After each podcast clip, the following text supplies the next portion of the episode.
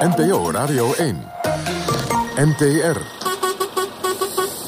Hoe moeten inwoners hier in Gouda eigenlijk van het aardgas af? Moet elke gemeente zelf kunnen bepalen aan hoeveel vluchtelingen ze huizen geven? En het aantal ZZP'ers in Nederland neemt toe.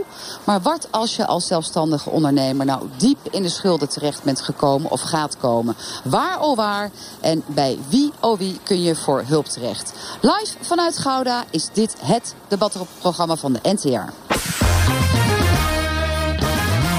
Kwesties met Marianne van den Anker. Elke zondag reis ik in de knalgele bus van NPO Radio 1 kriskras door het land.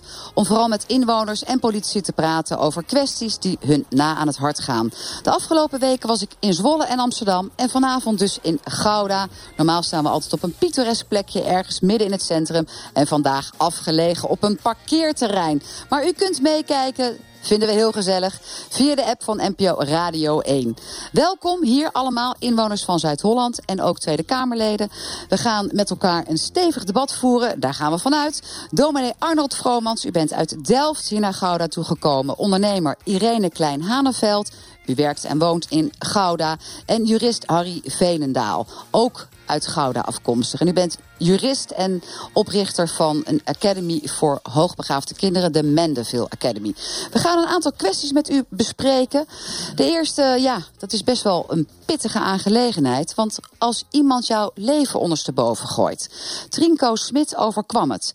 Hij werd tijdens een potje voetbal zodanig getackeld dat zijn been moest worden geamputeerd. Hij strijdt nu al 15 jaar voor emotionele compensatie. Maar helaas, nog de rechtbank, nog het Hof gingen mee in zijn verzoeken.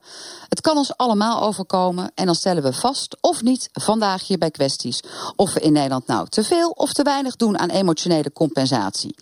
Daar gaan we dan. Ik begin, dominee Arnold Vromans, met u. Want u hebt op jonge leeftijd een ongeluk gehad. Vertel er eens iets over. Ja, dat, dat klopt inderdaad. Toen ik 12 jaar oud was, heb ik een heel zwaar auto-ongeluk gehad. Dus licht stond op groen. Steek braaf over met mijn fiets. En uh, ik werd wakker in het ziekenhuis met een bult op mijn voorhoofd die zo groot was dat ik er niet meer kon kijken. Die hing dus voor mijn ogen.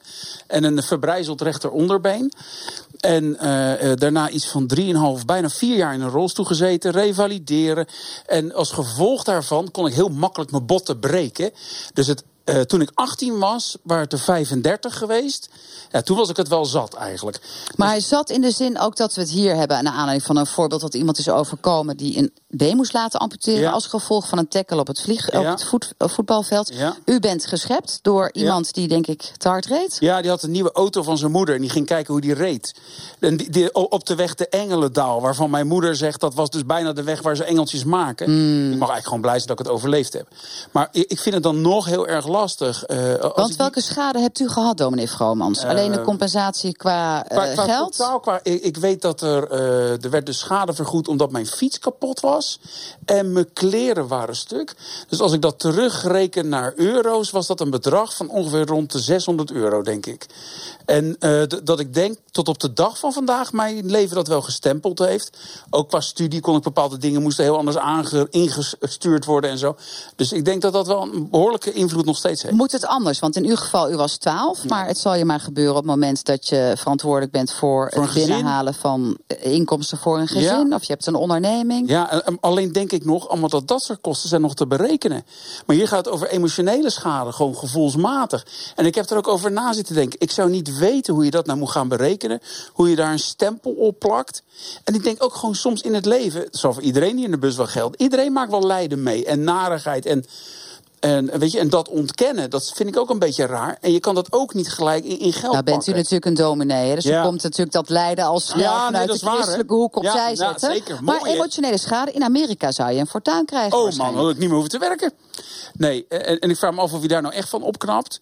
Maar dat je eh, kan voorstellen dat je zegt ten dele... dat je denkt, ja, dit is zo heftig, zo intens... dit zal je hele leven een bepaalde invloed hebben. eh, en nog los in fysieke zin. En dat je daarom zegt van nou, we vinden dat daar een x-bedrag tegenover mag staan... vind ik niet gek. Irene Klein-Haneveld, we blijven een beetje in de christelijke hoek zitten... want u bent ondernemer en u heeft een bijbelwinkel. Staat vast ook vol met lijden, lijden, lijden. Heel veel. Emotionele schade afgeleden. als gevolg gevolg van een ongeluk? Ja, ik, ik vind eigenlijk hetzelfde als Arnold. Ik, ik, ik weet niet of wij overal hetzelfde over denken trouwens hoor. Maar uh, Komen we in zo dit achter. geval denk ik van ja, emotie, hoe, hoe ga je dat meten? En er is nog een verschil of je aangereden wordt of dat je op het voetbalveld gaat. En nou ja, Boudewijn de Groot die wist het al, van als die maar geen voetballer wordt. En uh, ze schoppen hem misschien half dood. Ja. Dus uh, ik denk dan van ja, dat is wel een... Het kan het risico zijn. Hoe vervelend ook hè. Ik bedoel, als je echt schuld hebt eraan, dan moet je schuld betalen. Dat ja, Nederland zijn natuurlijk heel erg gewoon om hè, materiële schade natuurlijk wel te vergoeden, maar de emotionele schade niet. Nee. nee, nee ja, gewoon dragen dan maar. Ja, niet klagen, maar dragen. Nou ja, nee, dat, dat gaat me iets te ver. Maar nee, het, het, het blijft een hele moeilijke. Maar ik, alles maar in geld uitdrukken is een rare gewoonte. Oké, Harry Veenendaal. U bent advocaat, dus u weet wellicht ook hoe dit in de wet geregeld is. Zover wij kunnen nagaan, is de emotionele schade in Nederland nog niet echt lekker geregeld. Uh, nee, ik was advocaat, uh, uh, nu niet meer, maar nog wel bedrijfsjurist. nou, er is een regeling voor emotionele schade in Nederland. Dus, dus er is een bekend voorbeeld van een, een, een, moeder die met een dochter op een weg rijdt. Vrachtwagen slaat rechtsaf. En uh, dochter komt om het leven en de moeder ziet dat gebeuren. Dus daar is een, een, een bepaalde uh, emotionele schadevergoeding toegekend. Alleen ik hoor net. Uh, Van Amerika, hoeveel, weet je dat nog? Weet niet uit mijn hoofd. Want het is niet, uh, niet in Amerikaanse bedragen. Dat hoorde ik net ook even over de tafel gaan. Er zit een fundamenteel verschil tussen Nederland en Amerika. In Amerika is het zorgstelsel totaal anders, namelijk bijna non-existent. En de reden waarom je daar een claimcultuur heeft, zou je kunnen zeggen, is omdat daar zorgkosten uitbetaald moeten worden. Wat jij net zegt, inderdaad. Arnold zijn, Arnold, wat, wat jij net zegt over, er zijn een heleboel zaken dus wel betaald vanuit overheid. Dat is in Amerika vaak niet het geval. Dat is een van de redenen waarom de schadevergoedingen in Amerika en anglo-saxische landen wat hoger zijn. Hm. Vind je dat het anders moet in Nederland? Nee. We hebben nu gehoord hoe het wordt toegelicht. Nee. En waarom niet? Nee, uh, eigenlijk wat de vorige twee sprekers al aangaven. Je kunt geen bedrag zetten op emotionele schade. Uh, uh, het is nooit genoeg, zou je kunnen zeggen. Ik bedoel, wat voor prijs zet je erop bij een moeder die de eigen dochter onder vrachtwagen ziet rijden? Een miljoen, tien miljoen, honderd miljoen? Hè, dat, dat, er is geen bedrag aan. Nederland heeft een regeling, die is bescheiden. Het is een sim, nou, symbool, is misschien wat, wat verkeerd wordt. Uh, maar het geeft in ieder geval erkenning aan het emotionele leed. En ik denk dat het daarom gaat. En toch zegt ook Arnold, ik heb er hele leven lang last van gehad. En dat is misschien ook iets waar we dan even voor naar de Tweede Kamerleden kijken. Valt het mee? Ja, je hebt natuurlijk ja, een aantal nee, kansen ik ben niet, gemist. Ik ga er niet onder gebukt Nee. vandaag. Maar ik, ik weet wel, het, uh, dit zijn gewoon dingen die stempelen je wel op een bepaalde manier. Maar dat heeft iedereen in zijn leven, maakt dingen mee die je stempelen. Sommige mensen zijn gepest, die heeft dit, dit mee. Dus dat is heel breed. Dus ik voel dat heel erg met je mee. En, uh, en ook in Nederland, als je psychologische ondersteuning nodig hebt, dat zit in je zorgpakket. Dus er is heel veel dingen heel goed geregeld. Dus ik weet niet of je eraan moet willen. Nee. Emotionele schade. Zoals we het nu hebben besproken, is eigenlijk niemand in de bus ervoor om het aan te passen. Zeker niet richting Amerikaanse toestanden. Maar we hebben twee politici in deze bus, deze knalgele bus van NPO Radio 1. Eerst maar even een grote partij, VVD. Regeren ook het land, leveren onze premier. Dus wat u zegt, Martin Wursdorfer, daar luisteren wij natuurlijk heel goed naar. Wij worden Daar allemaal nu jou stil. ook, maar ja, We jij luisteren aandachtig naar de wijze woorden. Heerlijk. Moet er ruimte bus komen voor emotionele schade? Uh, nou nee, volgens mij uh, zijn de argumenten gewisseld. Maar wat ik wel belangrijk vind, ik ben blij dat Veenendaal dat net zegt. Het is natuurlijk wel, uh, het kan bijdragen aan erkenning. En ik denk dat dat in sommige gevallen ook nog wel eens heel erg belangrijk kan zijn. Dus erkennen het leed dat iemand is aangedaan. En nou ja, inderdaad, het is eigenlijk niet te berekenen hoe je daar dan op wat voor geval een geldbedrag op moet plakken. Maar vaak helpt een geldbedrag, dat hoeft niet enorm te zijn, het hoeft echt niet Amerikaans te zijn, helpt wel bij uh, een vorm van erkenning. Dus het zou toch wel kunnen helpen. Maar ik hoorde net trouwens ook wel gezegd worden dat er wel een bescheiden regeling is in Nederland. Dus het kan kennelijk wel. Ja, het kan kennelijk wel. Ja, deze voetballer die net heeft geprobeerd om die erkenning te krijgen, die is dan niet gelukt. Dat zal misschien ook casusafhankelijk zijn. Femke Merel van Cootje zat tot voor kort bij de Partij voor de Dieren. Inmiddels ja, bij een eenmansfractie in de Tweede Kamer. We ja. luisteren ook naar jou heel aandachtig. Ook al leven jij niet de premier. Word je misschien een nieuwe premier? Nou, ja, nee. dat lijkt me een vrij, uh, een vrij kleine kans natuurlijk. Um, maar ja, we hebben over het onderwerp. Um, het, het, het lijkt me wel goed om daar veel meer aandacht aan te besteden. En juist omdat het zo'n enorme impact uh, kan hebben op het leven van uh, mensen, lijkt me toch een iets ruimhartiger schadevergoeding dan 600 euro, wat ik net hoorde, toch wel op zijn plaats.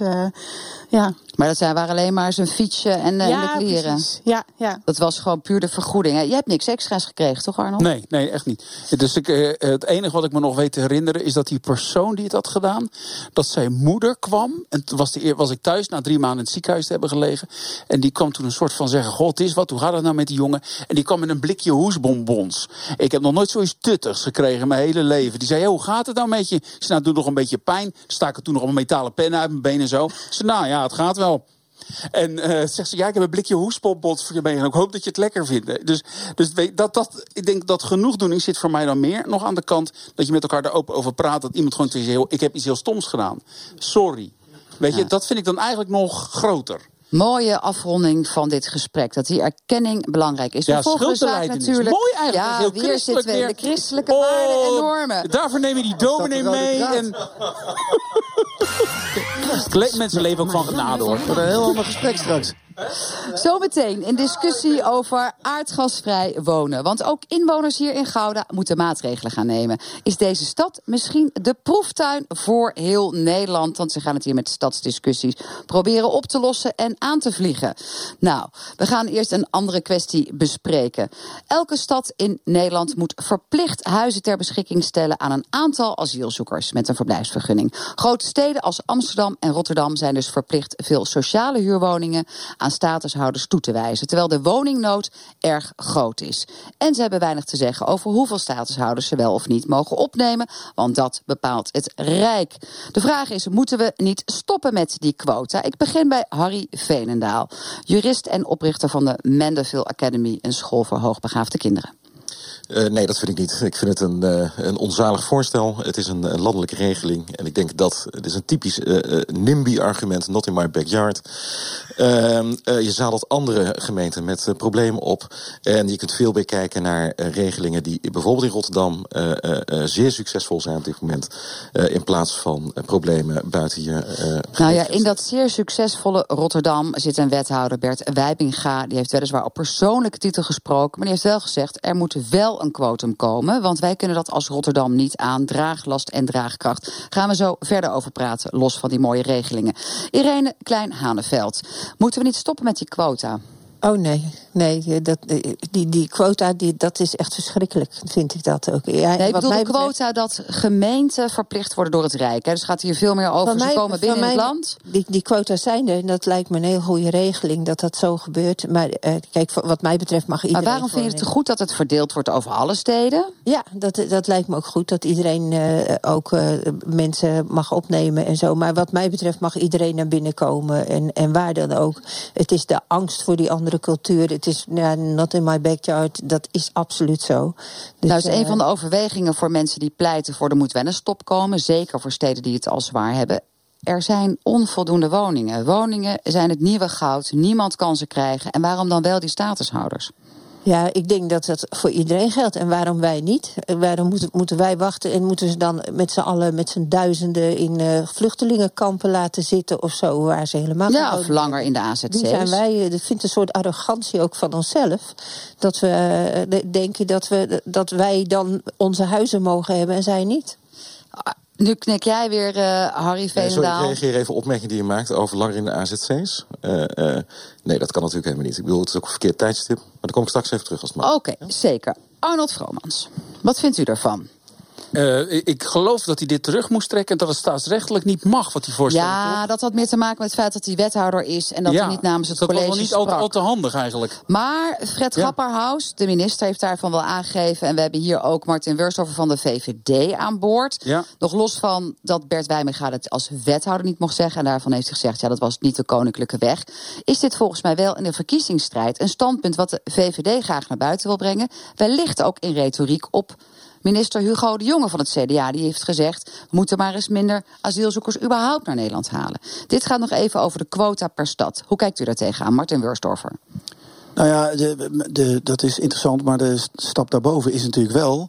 wat wil je eigenlijk? Uh, en wij hebben, zoals je weet, uh, vorige week ook weer voorgesteld... wij willen eigenlijk veel meer die opvang in de regio. Dus we willen niet dat dat allemaal uh, naar Europa en naar Nederland komt. En dat kan ook niet, hè? Kijk, echte vluchtelingen vang je op... Uh, die moet je verdelen over het land. Maar, uh, daar gaat het natuurlijk precies over. Hè. Het is een soort clash ook tussen het Rijk en gemeente. Nu zegt de gemeente, een aantal gemeenten zullen wellicht ook nog gaan volgen. Het is hartstikke leuk dat jullie vanuit het Rijk ons verplichten om er zoveel op te nemen. Maar sommige steden kunnen dat niet aan. En Rotterdam heeft bij wonden van Bert Wijmega gezegd... wij trekken dat niet meer, want onze eigen mensen kunnen niet eens een woning krijgen. Hoe kijkt u daar tegenaan? Dat zie je in alle grote steden. Dus ja, maar het gaat om, krijgen die gemeenten dan meer zeggenschap van u vanuit het Rijk? Nou, ik vind dat de gemeenten zelf moeten bepalen wie ze waar we uh, huisvesten. Uh, en volgens mij hebben ze daar de ruimte ook voor. Hè. Ze hoeven geen voorrang te geven. Uh, en, en, en dit nou, ze moeten verplicht hè, een aantal staatshouders opnemen. Dat is de deal met het Rijk. Uh, ik, nou ja, kijk, weet je, wij staan open. Geef mij gewoon alle ideeën om te kijken hoe we dat aantal overal kunnen verminderen. En dan is dat probleem straks ook gewoon minder. Um, uh, en daarom moet je nadenken over dat soort algemene um, uh, ja, ideeën over opvang in de regio. En net als destijds de plannen van mijn collega Asmani. Harry Venendaal, jij wilde terugkomen op Rotterdam als voorbeeld. Maar het gaat natuurlijk om: krijgen gemeenten straks, wat u betreft, meer zeggenschap? Of moet het Rijk juist kunnen bepalen: er gaan er zoveel naar Kampen, er gaan er zoveel naar Groningen en er gaan er zoveel naar ja, Amsterdam of Gouda? Dat vind ik absoluut een, een, een besluit voor het Rijk. Uh, en gemeenten kunnen, kunnen hier prima mee omgaan. Ik zal één voorbeeld noemen uit Rotterdam. Uh, uh, overigens ook een, een, een goed VVD-initiatief. Dat is door de oud-CEO van het Oogziekenhuisproject opgezet. Om eens te kijken om kinderen van vluchtelingen met een status... Ehm, om die zo snel mogelijk op een gymnasium te kijken. Blijkt namelijk uit onderzoek is dat een exponentieel deel van die kinderen... eigenlijk bovenmatig intelligent is. Wat kost dat? Dat kost 600 euro per kind eenmalig. Aan een heel project waar de ouders bij worden betrokken. Dus ik denk dat dat ook deel een tijdelijk probleem is. En dan die woningen even, want daar gaat het natuurlijk om. Nog los van kansen die asielzoekers moeten krijgen met wel of niet werken en wel of niet een topopleiding. Ze nemen een huis in van iemand die in de stad al woont. dat, is, dat is zoals je er nu op dit moment tegenaan kijkt. En ik ben het met jou eens. Het is een tijdelijk Hij wijst naar Martin Wursdorf van de VVD. het is een tijdelijk probleem. Op het moment dat je vluchtelingen in een economische uh, positie krijgt waarin ze ook een huis kunnen kopen, opleiding hebben gedaan, dan of, uh, uh, lost dat probleem zich op een bepaalde manier uh, eenvoudig op. En wat zeg je dan, Harry, tegen die mensen? Want dat is natuurlijk dit weekend ook weer actueel en eigenlijk al maanden speelt. Dat zelfs mensen die goed verdienen, kunnen niet eens een huis kopen. En die kunnen ook niet terecht in de sociale huur. Waar moeten die dan gaan wonen? Nou ja, goed, dan ga je een heel ander onderwerp erbij halen... omdat we op dit moment geen huizen kunnen bouwen... door allerlei milieu- en klimaatregelingen die er zijn. Uh, uh, dus als je dat vrijgeeft, dus ruimte genoeg... kijk eens hier uh, aan de zuidkant van Gouda... over een heel groene hart tot aan uh, loop ik bijna. Ik bedoel, dus ruimte zat. Gaan we het groene hart volbouwen? Ja, kan.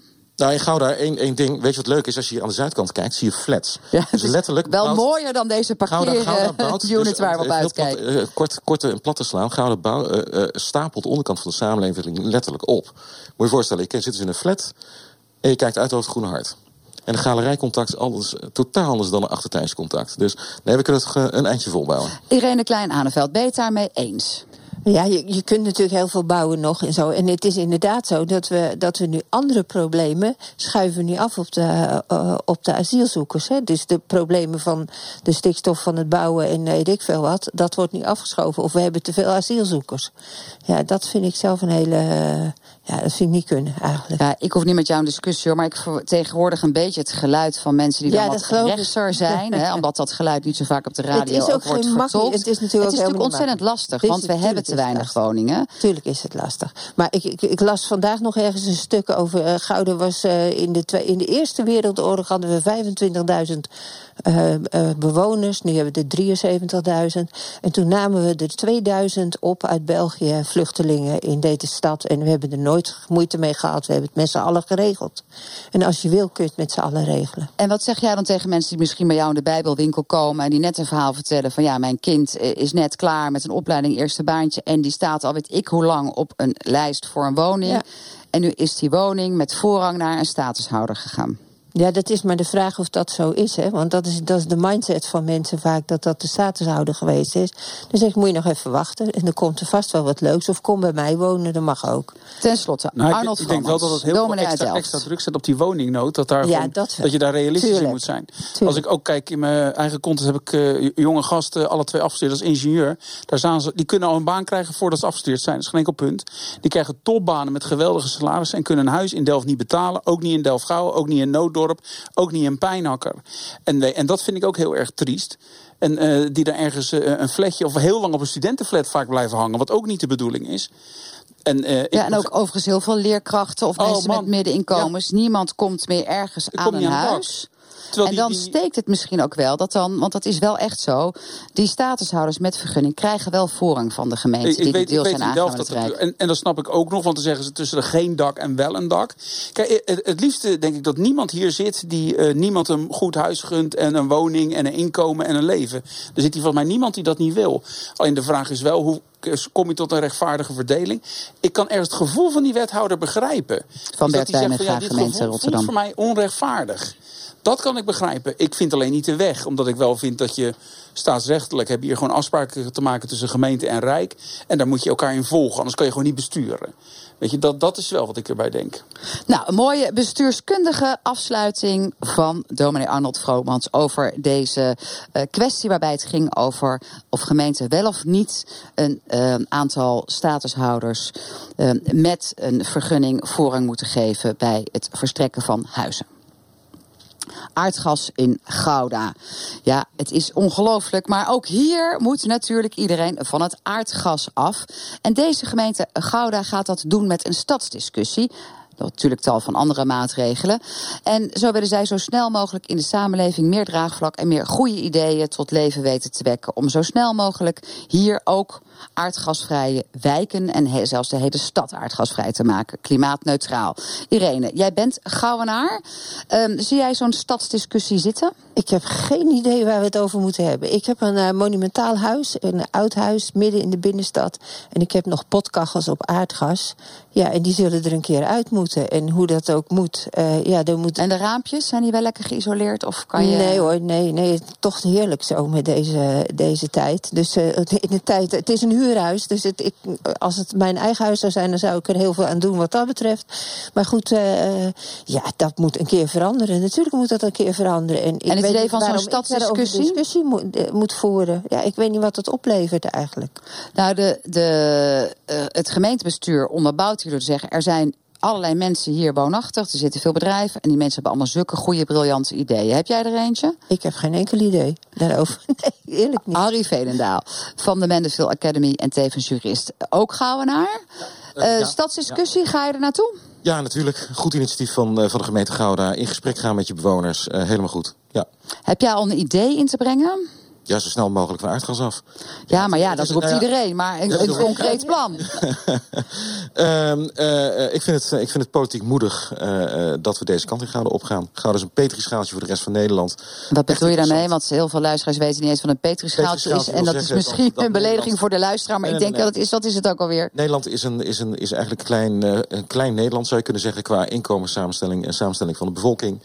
En als hier een discussie lukt en maatregelen lukken, is dat ook nog wel exemplaar is voor de rest van Nederland. Oké, dus jij zegt laat het maar van stadsdiscussie uit groeien tot goed voorbeeld. Gouda voorbeeldstad. Van het aardgas af. Die G allitereert dan al lekker.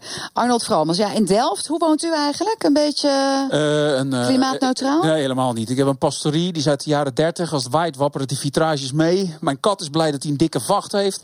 En, uh, dus nee, dat is wel een dingetje. Ik heb beneden een open haard. Ik stook het huis maximaal 15 graden. Want anders kan ik het niet. Dan denk ik, nou, dan zie ik die meter, de, die hoor aanlopen. En dan stook ik met hout de huiskamer extra bij als ik er lange dagen ben. Is dat heel CO2 goed? Denk ik eigenlijk niet in hout. Nee. Maak jij nog zorgen, Arnold, over de kosten, ook voor jezelf en ja, je gezin? Tuurlijk, tuurlijk. Nee, ik denk dat het realistisch is dat, uh, dat, dat, je daar ook over nadenkt. En dat, soort huizen als waar ik in woon, als je, ik denk, uh, we hebben een gemeentelid van ons die is gespecialiseerd in duurzaamheid. En die zei ooit eens, hij zegt, ja Arnold, met uh, één vinger in de lucht zou ik zeggen, zo'n huis wat jij woont, klimaatneutraal krijgen, moet je ongeveer 80.000 euro investeren. Hij, er moeten een nieuwe, moeten nieuwe vloeren in, moet nieuwe dakisolatie, muren, moet een heel ander systeem ingebouwd worden. Dat zijn enorme kosten. Dus ik denk dat dat we meegaan maken, is dat dat soort wijken op den duur gewoon platgegooid gaan worden. Dat je zegt, die zijn gewoon te duur qua energie. Nou, misschien is dat wel een goed idee om in te brengen hier in de stadsdiscussie. Ja. Maar dat mag niet, want jij zit in Delft. Gooi half Gouda plat en zet er wat nieuws neer. Ja, die historische pand is natuurlijk bijna niet te doen, want daar mag je niet eens dubbel glas in zetten. Nee, precies. Harry goed, Veenendaal. Of, of ehm, eh, het is heel duur meteen. Ja, en dat, dat blijft dus heel veel gewoon porrie vragen om ze gewoon warm te krijgen. Ik weet, weet je, niet mogen, dat vind ik iets, daar moet je dan gewoon eh, de regels veranderen, toch? Ja. Als Dat mag. zegt eh, Martin het Betekent werkt, dat dat wat jou betreft ook voor monumentale pan, wat is natuurlijk altijd een Ja, je- gedoe, dat er ook wat meer ruimte moet komen? Ik vind dat je daar wel over na moet denken. En ik vind het fantastisch dat ze hier eh, alle creativiteit willen inzetten. Hmm. En alleen al om het draagvlak te creëren. Dat is hartstikke goed. Nou, mooi. We gaan het op de voet volgen hoe die stadsdiscussie hier verloopt. En we zijn natuurlijk de eerste om te melden als er wordt besloten om de binnenstad van Gouden met dat hele mooie, prachtige oude gemeentehuis plat Ja, te gooien. van het uitzicht ook van vandaag. eh, Ja, ja, Die parkeerplek. Wrijf het er maar in. Fijn dat u luistert. We staan met de bus van NPO Radio 1. En we hebben het al telkens malen gezegd in het prachtige Gouden. Maar niet op een mooie plek, namelijk op een parkeerterrein. Om een aantal kwesties te bespreken. Vandaag een kwestie die overal speelt. In Nederland hebben we ruim 1 miljoen ZZP'ers. Zelfstandige ondernemers zonder personeel. Onder hen zijn er ook veel met financiële problemen. Maar toch is het moeilijk voor ZZP'ers om hulp te krijgen. Veel gemeenten hebben een blinde vlek voor deze groep. Terwijl ze wel recht hebben op hulp. Net als elke inwoner. Wat moet er gebeuren zodat ZZP'ers uit de schulden kunnen worden geholpen? Of kan worden voorkomen dat ze in de schulden terechtkomen? Ik praat erover met Tweede Kamerleden Martin Weursdorfer van de VVD. Hebt u al gehoord? Femke Merel van Koten van de eenmansfractie van Koten Arissen. U hebt haar ook al gehoord. Aan de telefoon Jeanette Meersma van Kram en Meersma Schuldhulpverlening. Die hebt u nog niet gehoord. En wie u ook nog niet hebt gehoord, dat is de ervaringsdeskundige en schuldenambassadeur van de landelijke campagne Kom uit je schuld, Mark Mulder. Mark, welkom. En ook voor Jeannette, ik weet dat je al aan de telefoon hangt. Ik kom zo naar je toe. Mark, ambassadeur van de campagne Kom uit je schuld. Dat betekent dat jij als ondernemer echt in de schulden hebt gezeten. Wat voor een onderneming had u en hoe bent u in de schulden terechtgekomen? Ja, nou, klopt wat je zegt. Ik, eh, ik had een spelletjeswinkel in Arnhem. Eh, die heb ik 15 jaar gehad. En in die tijd zijn er op een gegeven moment financiële problemen ontstaan. Die ik wel heb kunnen oplossen. Maar het oplossen van die problemen, dat kostte mij eigenlijk al mijn financiële reserves. Maar vooral, en dat is eigenlijk nog belangrijker, mijn persoonlijke reserves. Eh, op het moment dat toen de stad een grote verbouwing van de binnenstad begon, en dat was echt recht voor mijn winkel. Toen zakte mijn omzet 50% in. En ik had eigenlijk niet de energie en niet het geld om dat op te vangen. En ben toen gaan modderen. Ja, en Gaan 20 man personeel. Hè? Even dat het niet zomaar een spelletjeswinkel was. Nee, u dat- had dat- echt ik, heb flinke op een bepaald moment had ik drie zaken. En toen had ik 20 man personeel. En in het oplossen van die schulden heb ik toen twee zaken afgestoten. En eh heel erg de broekriem aangetrokken. En u zei, ik ben gaan modderen. Wat, wat, wat modderde u dan Schu- zo al? Schuiven met rekeningen. eh, de belastingaangifte van de BTW op een gegeven moment een keer iets lager doen. Zodat je dat de volgende keer kan compenseren. En nou ja, nog meer van dat soort dingen. Eh, wat ik niet kon en wat ik wel had, ik had eigenlijk meteen personeel moeten ontslaan. Zelf gewoon continu in de winkel gaan Ja, staan. maar ja, die mijn je dan was op. ook natuurlijk. Mijn Ja. energie was op. Het was net in die tijd ook dat mijn tweeling geboren was. Dus het was allemaal. Het werd me gewoon te veel. En ik heb het toch nog daarna vijf jaar volgehouden. En dat was vijf jaar op de rand van de afgrond. U hebt eh, daarover gesproken, neem ik aan, met iedereen. Ik heb op een gegeven moment, toen het echt te veel werd, toen heb ik de gemeente gebeld. Maar daarvoor heb ik heel lang in mijn eentje gemodderd. Eh, Ja. En waarom is dat zo? Want we horen van veel ondernemers dat het een taboe is om erover te praten. Nou ja, het taboe zit hem in het beeld van ondernemer. En dat is iemand die geslaagd is, die succesvol is, het liefst met een blitse auto. An- mensen gaan daar ook eigenlijk vanuit. Het is gewoon.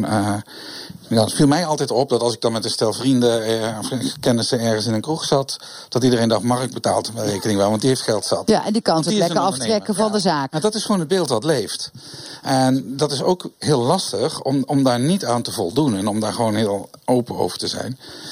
Nu ben ik niet iemand die alles. Hoe ging het bij u, zeg maar? U zei ja, persoonlijk had ik er last van. Toen kwam ook nog de tweeling. Ja, hoe ver hebt u persoonlijk geleden door die schulden?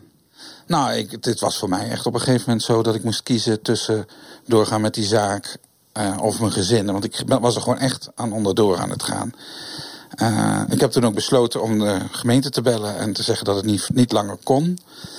Eh, er is toen is er een bureau ingeschakeld die samen met mij naar mijn zaak gingen kijken.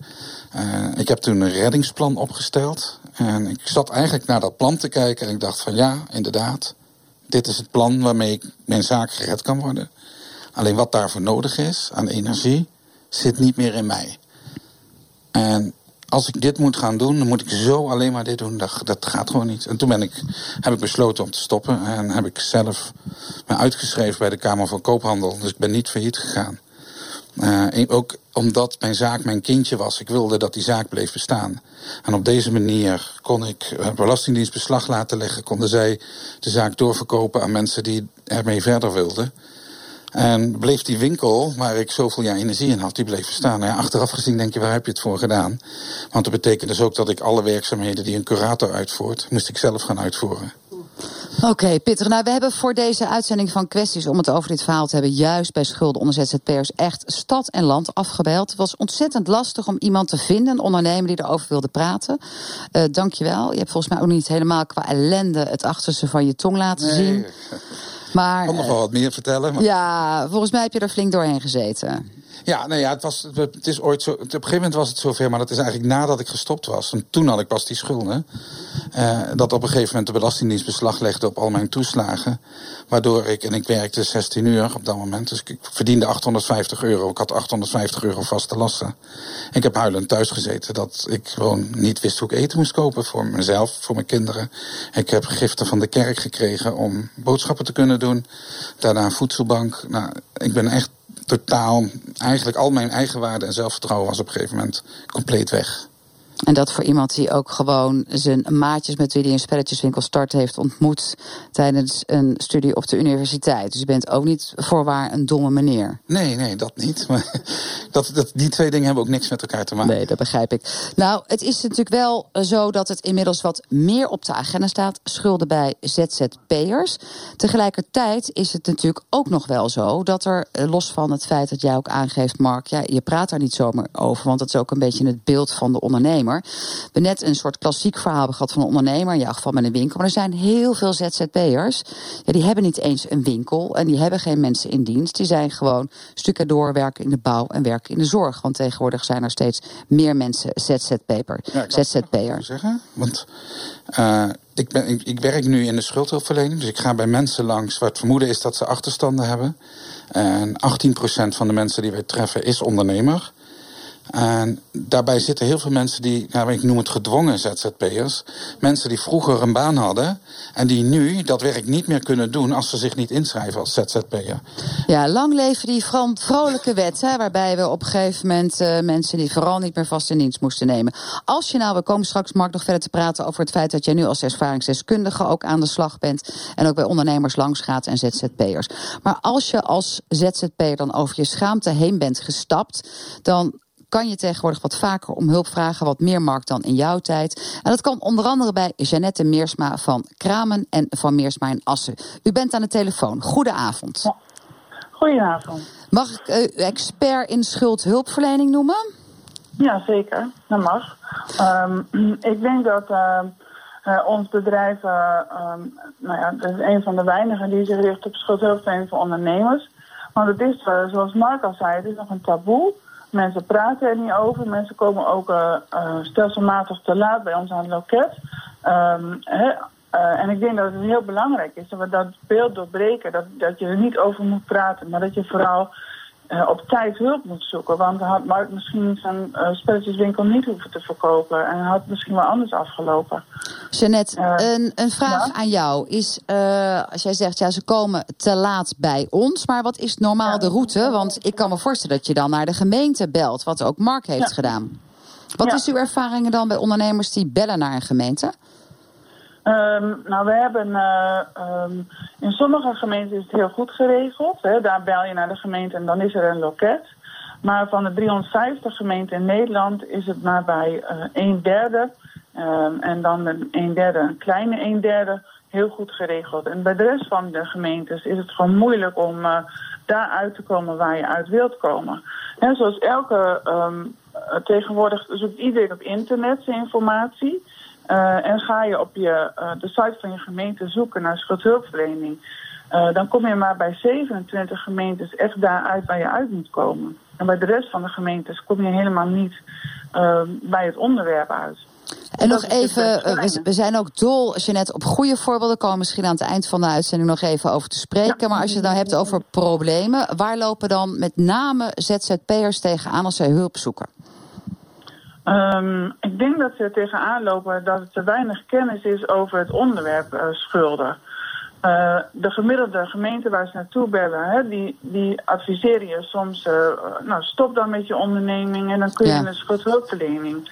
Um, en um, er zijn best gemeentes die het heel goed doen. Er zijn ook mooie platforms waar je naartoe kunt. Het is belangrijk dat de gemeentes een boodschap uitdragen. Helder. Dat, Helder. zij dat goed gaan formuleren. Jeanette Meersma uit Assen, blijf nog heel even aan de telefoon. Er werd hier net eenstemmend geknikt door zo'n beetje de halve bus. Dan wordt er door een gemeente geadviseerd om te stoppen met je onderneming. Ja. Nou ja, dat is dan wat uh, hier in de bus tot instemming leidde. Zo van, dat wordt heel erg herkend. Uh, Martin ja. Van de VVD. Ja, u hebt zich er als VVD ongelooflijk hard voor gemaakt de afgelopen periode... dat er wordt, wat wordt gedaan voor ZZP'ers die in de schulden terecht dreigen te komen. Ja, we horen hier natuurlijk dat de gemeente het verschil kan maken. U hebt als Rijk uh, natuurlijk ook een belangrijke rol. Wat is uw uh, idee om dit op te gaan lossen? Ja, de, de, meerdere. Hè? Maar het belangrijkste is wat uh, Mark eigenlijk hier zegt. Uh, die de stap heeft genomen om, uh, om toch om hulp te vragen. En dat is iets wat ik ook heel erg herken. Wij denken altijd, en misschien wij vroeger ook wel, weet je wel, ondernemers, dat zijn allemaal van die hele succesvolle, snelle jongens en vrouwen. En dat is natuurlijk helemaal niet zo. Er zijn een heleboel die het heel moeilijk hebben. Niet in de laatste plaats die ZZP'ers die eigenlijk gewoon ergens in dienst zouden moeten zijn. Um, dus dat is, dat is heel erg. Nou, de gemeentes die zullen moeten, die moeten daar hun kennis op orde krijgen. Hè. En waarom had je zoiets van, oh, toen net zei, ja, dan wordt er geadviseerd om te stoppen met je ja. onderneming, want pas dan kan je de schuldhulpverlening ja, in. Ik weet je, daar zullen ongetwijfeld gedachten achter zitten. Die zitten er ook wel achter, maar die kloppen natuurlijk niet. Want als je nou een ondernemer hebt, en dan niet die schijn-ZZP'ers, maar laten we echt de echte ondernemer. En die, die, ja, die, die wil natuurlijk gewoon verder. En laten we nou die, die ondernemers helpen om nog een stap te zetten. En die, die onderneming niet, uh, ja, zeg maar, uh, kopje onder te laten gaan. Dat vind ik doodzonde. Dus mijn oproep was geweest, uh, we hebben daar onlangs een debat over gehad. Gemeentes, een tandje bij. Zorg dat je kennis hebt, dat je mensen in dienst hebt. Of dat je uh, bureaus inhuurt, zoals de dame die we aan de telefoon hier hebben. Om ervoor te zorgen dat er kennis is hoe ondernemers geholpen kunnen worden. En daar hoort niet bij, weet je wat, stoppen uh, met je onderneming en vraag maar een uitkering aan. Dat is maar natuurlijk hoort, de verkeerde route. Maar hoort er, dan wel bij, hoort er dan wel bij dat de gemeentes ook die schuldhulpverlening betalen? Want elke inwoner die niet ondernemer is, heeft recht op gratis schuldhulpverlening. Dat is coaching vanaf het begin af aan. Ja. Zodra je ondernemer bent, moet je zelf gaan betalen. En als, dat is, vind ik, een hele rare. Mijn stelling is geweest dat. Martin Wurstorfer, VVD Tweede Kamer. Uh, wie aanklopt, als er iemand aanklopt, moet je die helpen. Sterker nog, ik vind dat de gemeentes vroegtijdig aan de slag moeten om te zoeken wie er in de schulden terecht kunnen komen. Of dat nou een ondernemer is of een, uh, een werknemer ergens. Nou hoorden we al toe. van uh, Jeannette Meersma, het wordt denk ik breed herkend, Mark, ook door jou en ook wellicht door jou, Femke, dat alle gemeentes zo'n beetje een eigen beleid hebben. Hier in Gouden hebben we het uitgezocht. Daar worden ZZP'ers doorverwezen naar een vrijwilligersorganisatie, die dan weer ZZP'ers helpt. Ja, dat klinkt niet alsof ze door worden verwezen naar zo'n expert in de schuldhulpverlening, zoals Jeannette Meersma uit Assen dat is.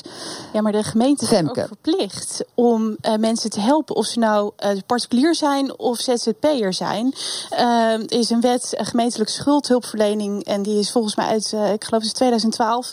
En er was in de tijd ook wat verwarring, want er zou in staan dat dat niet voor zelfstandigen zou gelden. En dus de staatssecretaris heeft gelukkig vorig jaar gezegd: gemeente, jullie zijn verplicht om zowel particulieren als ZZP'ers te helpen in die schuldhulpverlening. En uh, daar is 90 miljoen uh, voor gereserveerd om mensen in de gemeente aan de schuldhulpverlening te helpen. Maar ja, dat is, dat is dus niet geoormerkt voor de ZZP'ers. Terwijl één op de drie werkenden die dus kampt met dus grote problematische schulden ZZP'er is. Femke, uh, Merel van Koot, je hebt daar een motie voor ingediend in de. Tweede Kamer. Omdat geld wel te oormerken.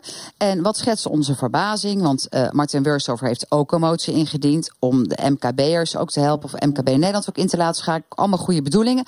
Maar dit, Martin, heb jij dan weer niet gesteund. Waarom niet? Terwijl je tegelijkertijd hoort dat het in elke gemeente anders geregeld is. Ja, ja dat klopt. Maar de start is even dat de gemeentes al verplicht zijn hè, om die ZZP'ers te helpen. Uh, Femke Merel zegt het net goed. De staatssecretaris heeft dat nog eens een keer benadrukt.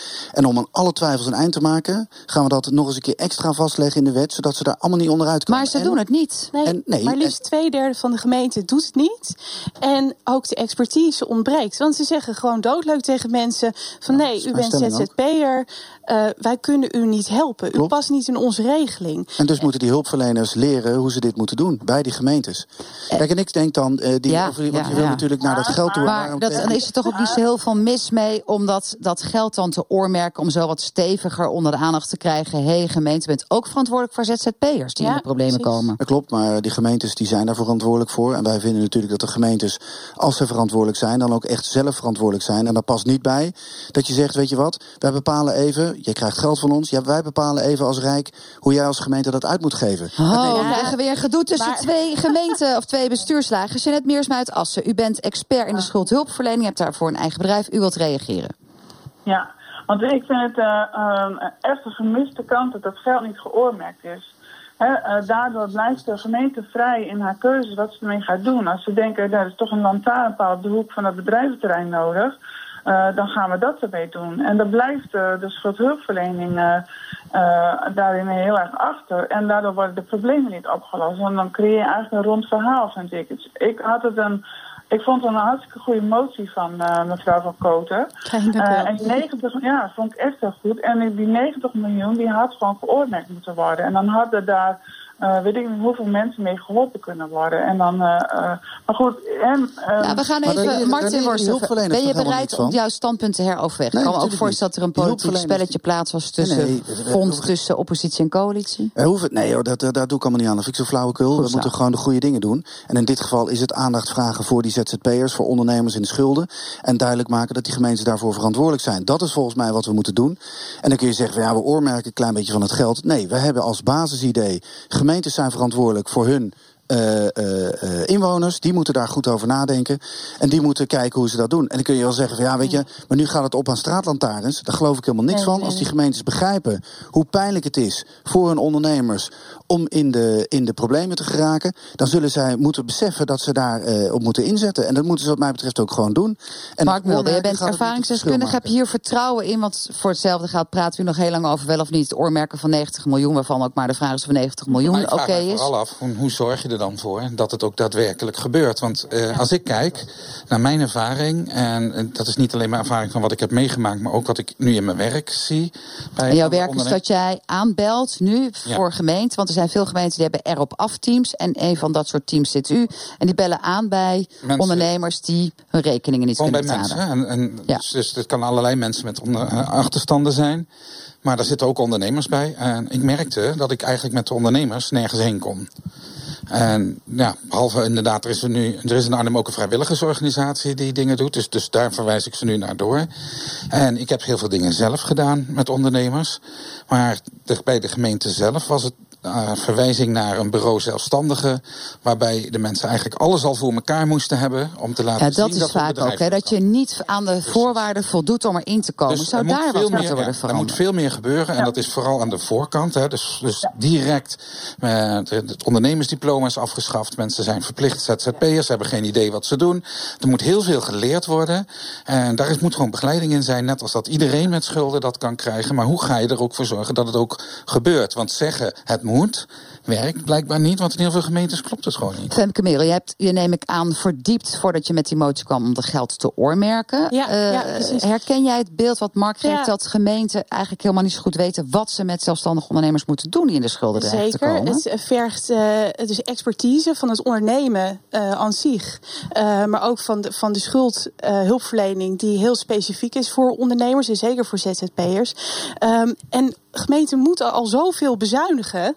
Als je dat geld niet oormerkt, dan loop je natuurlijk het risico dat het aan andere dingen wordt besteed. Ook omdat het zo ontzettend complex is om mensen in, die zelfstandig zijn eh, te helpen met hun schulden.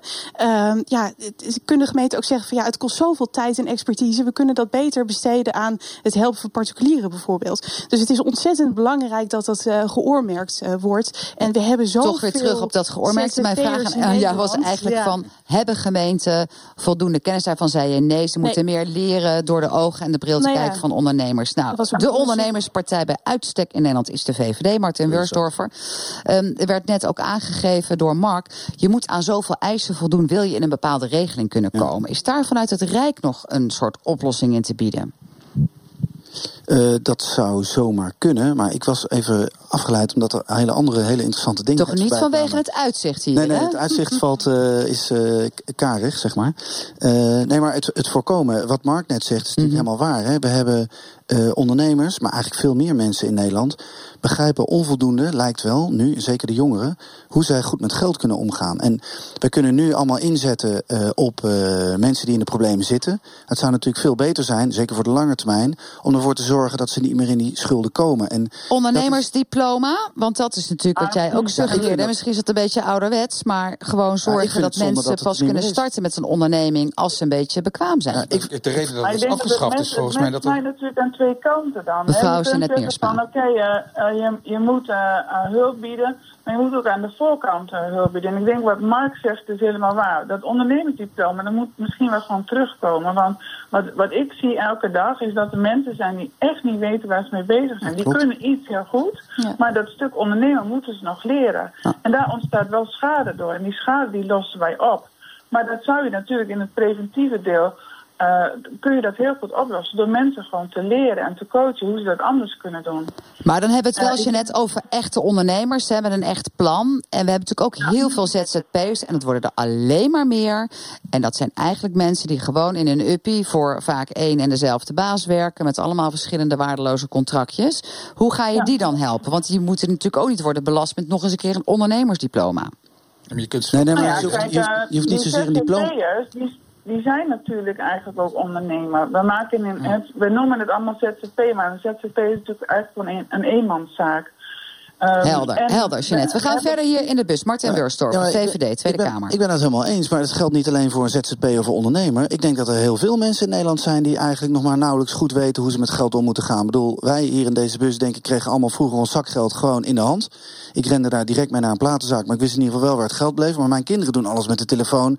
En ik vraag me af of die allemaal precies ook op waar dat weten te schatten. En dan kun je zeggen van, joh, dat is de moderne tijd. Nee, in die end gaat het erom dat wij begrijpen hoe we met geld omgaan. Dus dat geldt voor iedereen. Dat zouden ze op school dus is uh, uh, wat meer aandacht aan moeten geven. Niet door zo, niet zozeer direct ondernemerschap te onderwijzen, maar wel leren budgetteren, leren rekenen. Dat lijkt me allemaal hartstikke relevant. En, en misschien daarvan... ook leren al als je als ondernemer start om vroegtijdig te praten over ja, als er nou ja, problemen dat zijn. Want dat taboe en die schaamte is natuurlijk ook nog een ding. ondernemersdiploma. De reden dat het is afgeschaft is om het makkelijker te maken om een onderneming te starten. Ja, maar wel en dat, en dat heeft de economie ook goed gedaan, zeg maar. Dus je moet niet, niet meteen het kindje met het badwater weggooien. Maar je moet tegelijkertijd de startende ondernemers niet aan hun lot overlaten. Nee. Dus er moet wel meer gekeken worden naar wie een onderneming start. Dat die ook begeleid wordt in, in, in tot op een bepaald niveau van kennis komt. En het ja, gaat om, om En dan kom je toch weer uit bij de gemeente. Want ik zit elke keer te denken van we hebben ook zo vaak in deze bus gewoon dat we kwesties bespreken waarbij het gaat over het verschil tussen rijk en gemeente. En dat die nou een keer wat, ja, wat dat... beter samenwerken. Ook, want het is elke keer heen en weer Dat moet sowieso, maar als gemeente kun je volgens mij ook heel creatief zijn. Hè? Als jij allemaal nieuwe, jonge, startende ondernemers hebt... en je hebt vast en zeker hier ook een hele hoop mensen rondlopen... die uh, een beetje van mijn leeftijd zijn, of misschien nog iets ouder. Hoe oud ben je eigenlijk? Nou, daar gaat het nu niet om. Uh, financiële functie hebben gehad... en misschien bij een bedrijf niet langer aan, aan, aan, aan het werk komen. Waarom ga je als gemeente niet eens nadenken... die jonge startende ondernemers, die brengen wij in contact... met die uh, voormalige financiële mensen van bedrijven waar ze zijn afgedankt. Die kunnen elkaar helpen. Maar jij Zo zit, kun je die jonge weet je hoe jij ondernemers... het woord uitspreekt? Die gemeenten moeten eens nadenken. Misschien hebben die gemeenten helemaal dat geld niet. En dan komen ze weer een handje ophouden bij het Rijk. En dan zeggen jullie, ja, regel het zelf maar. Ja, maar dat Maar is, dat is wat dus niet. wacht even, Die wacht even. 90 miljoen die hebben we nou tijdens deze uitzending al bijna uitgegeven aan dat we zeggen... en er moet uh, vanaf de basisschool moeten we kinderen leren om te gaan met geld. We moeten die ondernemer leren om te gaan met geld. Er moet weer een nieuw diploma komen. We moeten in het preventief iets doen. We moeten de kennis bijschaven. En we moeten schuldhulpverlening uh, gaan regelen. Nou, die 90 miljoen heb ik zojuist net opgemaakt, geloof ik.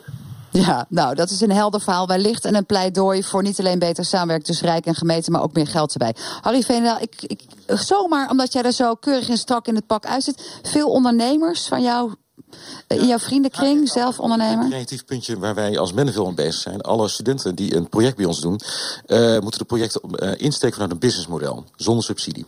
En wij zijn samenwerking aangegaan met de Hogeschool Rotterdam, vakgroep accountancy. Dat zijn studenten die twee jaar later accountant zijn, die in een minor dus mensen moeten begeleiden in nou ja, hun businessmodel.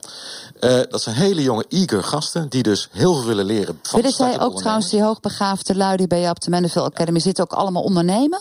Uh, zij willen eigenlijk, denk ik wel, dat is het lot van hoogbegaafden vaak, omdat je, uh, dat ze als ondernemer uh, eindigen. maar de skills hebben ze niet. Vandaar dat we de samenwerking aan zijn gaan met een hogeschool Rotterdam, een vakgroep accountancy, maar dat kan ook op MBO-niveau. Dus hele jonge mensen met. Dus wel die creativiteit maar opzoeken. Arnold Vromans, ik, ik, schat zomaar in als dominee dat je ook veel hoort over de problemen die mensen hebben. Hoor jij in jouw kerkelijke gemeenschap ook veel ZZP'ers die in de schulden komen en daar misschien ja, ook niet over durven te praten? Best veel mensen die een relatief kleine bedrijf hebben. Mijn zwager heeft een eigen overnieuwsbedrijf. Mijn neef heeft, eh, is eigenaar-directeur van een eierpakstation. Maar er werken dan vijf, zes mensen. Dus relatief kennen die problematiek wel. Voor mij is eigenlijk nog een andere vraag die inderdaad ook opkomt. Is dat ik me heel erg afvraag of er wel voldoende know-how is. Voor iemand die schuldhulpverlening doet. Voor iemand die in de schuld eh, terechtgekomen is. Dat, dat herken ik, want dat heb ik in mijn gemeente veel. Die mensen helpen. Weet je, we hebben dat soort fondsen. Eh, interkerkelijk sociaal fonds. Voedselbanken. Maar dan denk ik zo, ja, zo iemand afsturen op een ondernemer. Waarvan je zegt, je balans is niet op orde. Hoe kan je dit nou omgeturnd? Moet er een PR-plan komen? Weet je, dat is echt wel even een hele andere koek. Is die know-how er wel? Martin Wurstorfer, VVD Tweede Kamerlid. Nou, die know-how is onvoldoende. Er was ook een hele stelling aan, aan het begin. De hulpverleners zijn helemaal gefocust op uh, individuen, op particulieren en niet zozeer op de ondernemers. Maar één, één nuance net op jou, uh, ja, ik ga het snel doen. Maar jij creëert net een verschil zeg maar, tussen gemeente en rijk. Dat moet je niet zien. Wij zitten daar allemaal in om hetzelfde te realiseren. En als ik zeg die gemeente, was het voor mij alleen maar een aanmoediging, zodat ze creatief zijn. Oh, gelukkig, gelukkig, dus, dus dat Martin. het idee is dat we een beetje naar elkaar zitten te wijzen. Want dat zou echt het, het allerslechtste zijn voor al die ondernemers. Femke Merel van Koten. Als eenmansfractie aan de slag met dit onderwerp... dat betekent dat jij hier ook je tijd aan wil besteden. Want als eenmansfractie kun je niet je pijlen op alles richten. Wat zijn jouw plannen voor de toekomst? Wat wil jij dat er gaat gebeuren? Nou ja, ten eerste dat inderdaad die know-how bij de gemeente uh, wordt vergroot. Dat dat geld uh, geoormerkt wordt, ook voor de ZZP'ers. En dat, want uh, dat is natuurlijk verschrikkelijk, dat dus niet eens weet was bij de gemeentelijke ambtenaren dat je ook renteloze leningen kan, zou kunnen verstrekken aan ZZP'ers in nood. En dat die regelingen bij de ZZP'ers zelf ook totaal niet. Uh, dus aan, ja, dus dat, dat moet echt verbeteren. En daar ga ik me voor inzetten. Mark Mulder, aan jou het aller, aller, allerlaatste woord. Want jij bent tenslotte ervaringsdeskundige van lang geleden, maar loopt nu ook rond in de praktijk. Wat moet er morgen gebeuren? Ik denk dat de gemeente eigenlijk net zoals jij zegt, zich moet Martin ontwikkelen op het gebied van uh, schuldhulpverlening. Ik weet dat de gemeente Arnhem nadenkt over een plan om hoe ze dat willen gaan doen. Ik denk dat er meerdere gemeentes met hetzelfde worstelen. Dus als de gemeentes de handen ineens slaan en samen die kennis ontwikkelen en dat ook op korte termijn doen. Want het is echt een probleem wat heel erg veel groter wordt op het moment dat er een crisis gaat komen. Met al die uh, ZZP'ers gaan allemaal omvallen. En ten aanzien van de schaamte, als er nu mensen zijn die luisteren en misschien in de problemen zitten als ondernemer? als je ondernemer bent en als je al een tijd worstelt om je hoofd boven water te houden, ga naar je gemeente, vraag om hulp. En als je niet de hulp krijgt die je verwacht of die je zoekt, vraag door en zoek op het internet naar waar je wel terecht kan. Dankjewel. Jeanette Meersma uit Assen aan de telefoon ook bedankt. En alle gasten hier in de bus. Tot zover kwesties. Vanuit Gouda, dank jullie allemaal. Mark Mulder, Martin Wurstoffer, Femke Meel van Koten, Arnold Vromans, Irene Klein-Haneveld en Harry Veenendaal. Dankzij jullie is het een prachtige uitzending geworden. En rijden wij vanaf hier weer naar een plek. Volgende week weten we nog niet waar. Maar u komt ons elke zondag tegen. Blijf luisteren. Zometeen Radio Doc met daarin... Hippocrates in Arms. Een driedelige serie over dilemma's van een chirurg op een vredesmissie. Fijne avond. to the great hij was 13 jaar een van de Ashton Brothers. En nu gaat Pepijn Gunneweg als Peppino the Great verder in zijn eigen circus. Luister naar Kunststof. Morgen om half acht. Op NPO Radio 1. Met Pepijn Gunneweg. Het nieuws van alle kanten. Wij Nederlanders weten wel wat lekker is. En we weten ook dat beweging goed voor ons is. Maar dit volhouden, daar kunnen we wel wat hulp bij gebruiken. Samengezond is jouw steuntje in de rug. En als je vandaag start met een persoonlijk weekdoel op samengezond.nl... ontvang je wekelijks een beloning. De Nationale Opera presenteert... De barokopera van het jaar. Hendels Rodelinda. Kaarten via operaballet.nl Toen mijn bank stopte met de verhuur van kluizen... kon ik gelukkig direct terecht bij de Nederlandse kluis. Een bankkluis huurt u veilig en vertrouwd bij de Nederlandse kluis. Met thuisvoordeel van Essent pak je zeker alles wat je kan. En hoe langer je klant bent, hoe meer korting je krijgt. Dat is geweldig man. Dat is het zeker. Want dat kan oplopen tot wel 10% extra korting op je stroomtarief. Ga naar essent.nl en pak jouw thuisvoordeel. Ga naar de Nederlandse Kluis.nl. Een bankkluis huurt u veilig en vertrouwd bij de Nederlandse Kluis. De nummer 1 in betrouwbaarheid komt met iets nieuws. Nu 5 jaar garantie en 5 jaar gratis onderhoud op je nieuwe Toyota. Hoe lekker is dat? Ga snel naar toyota.nl. Dat is de power van Toyota.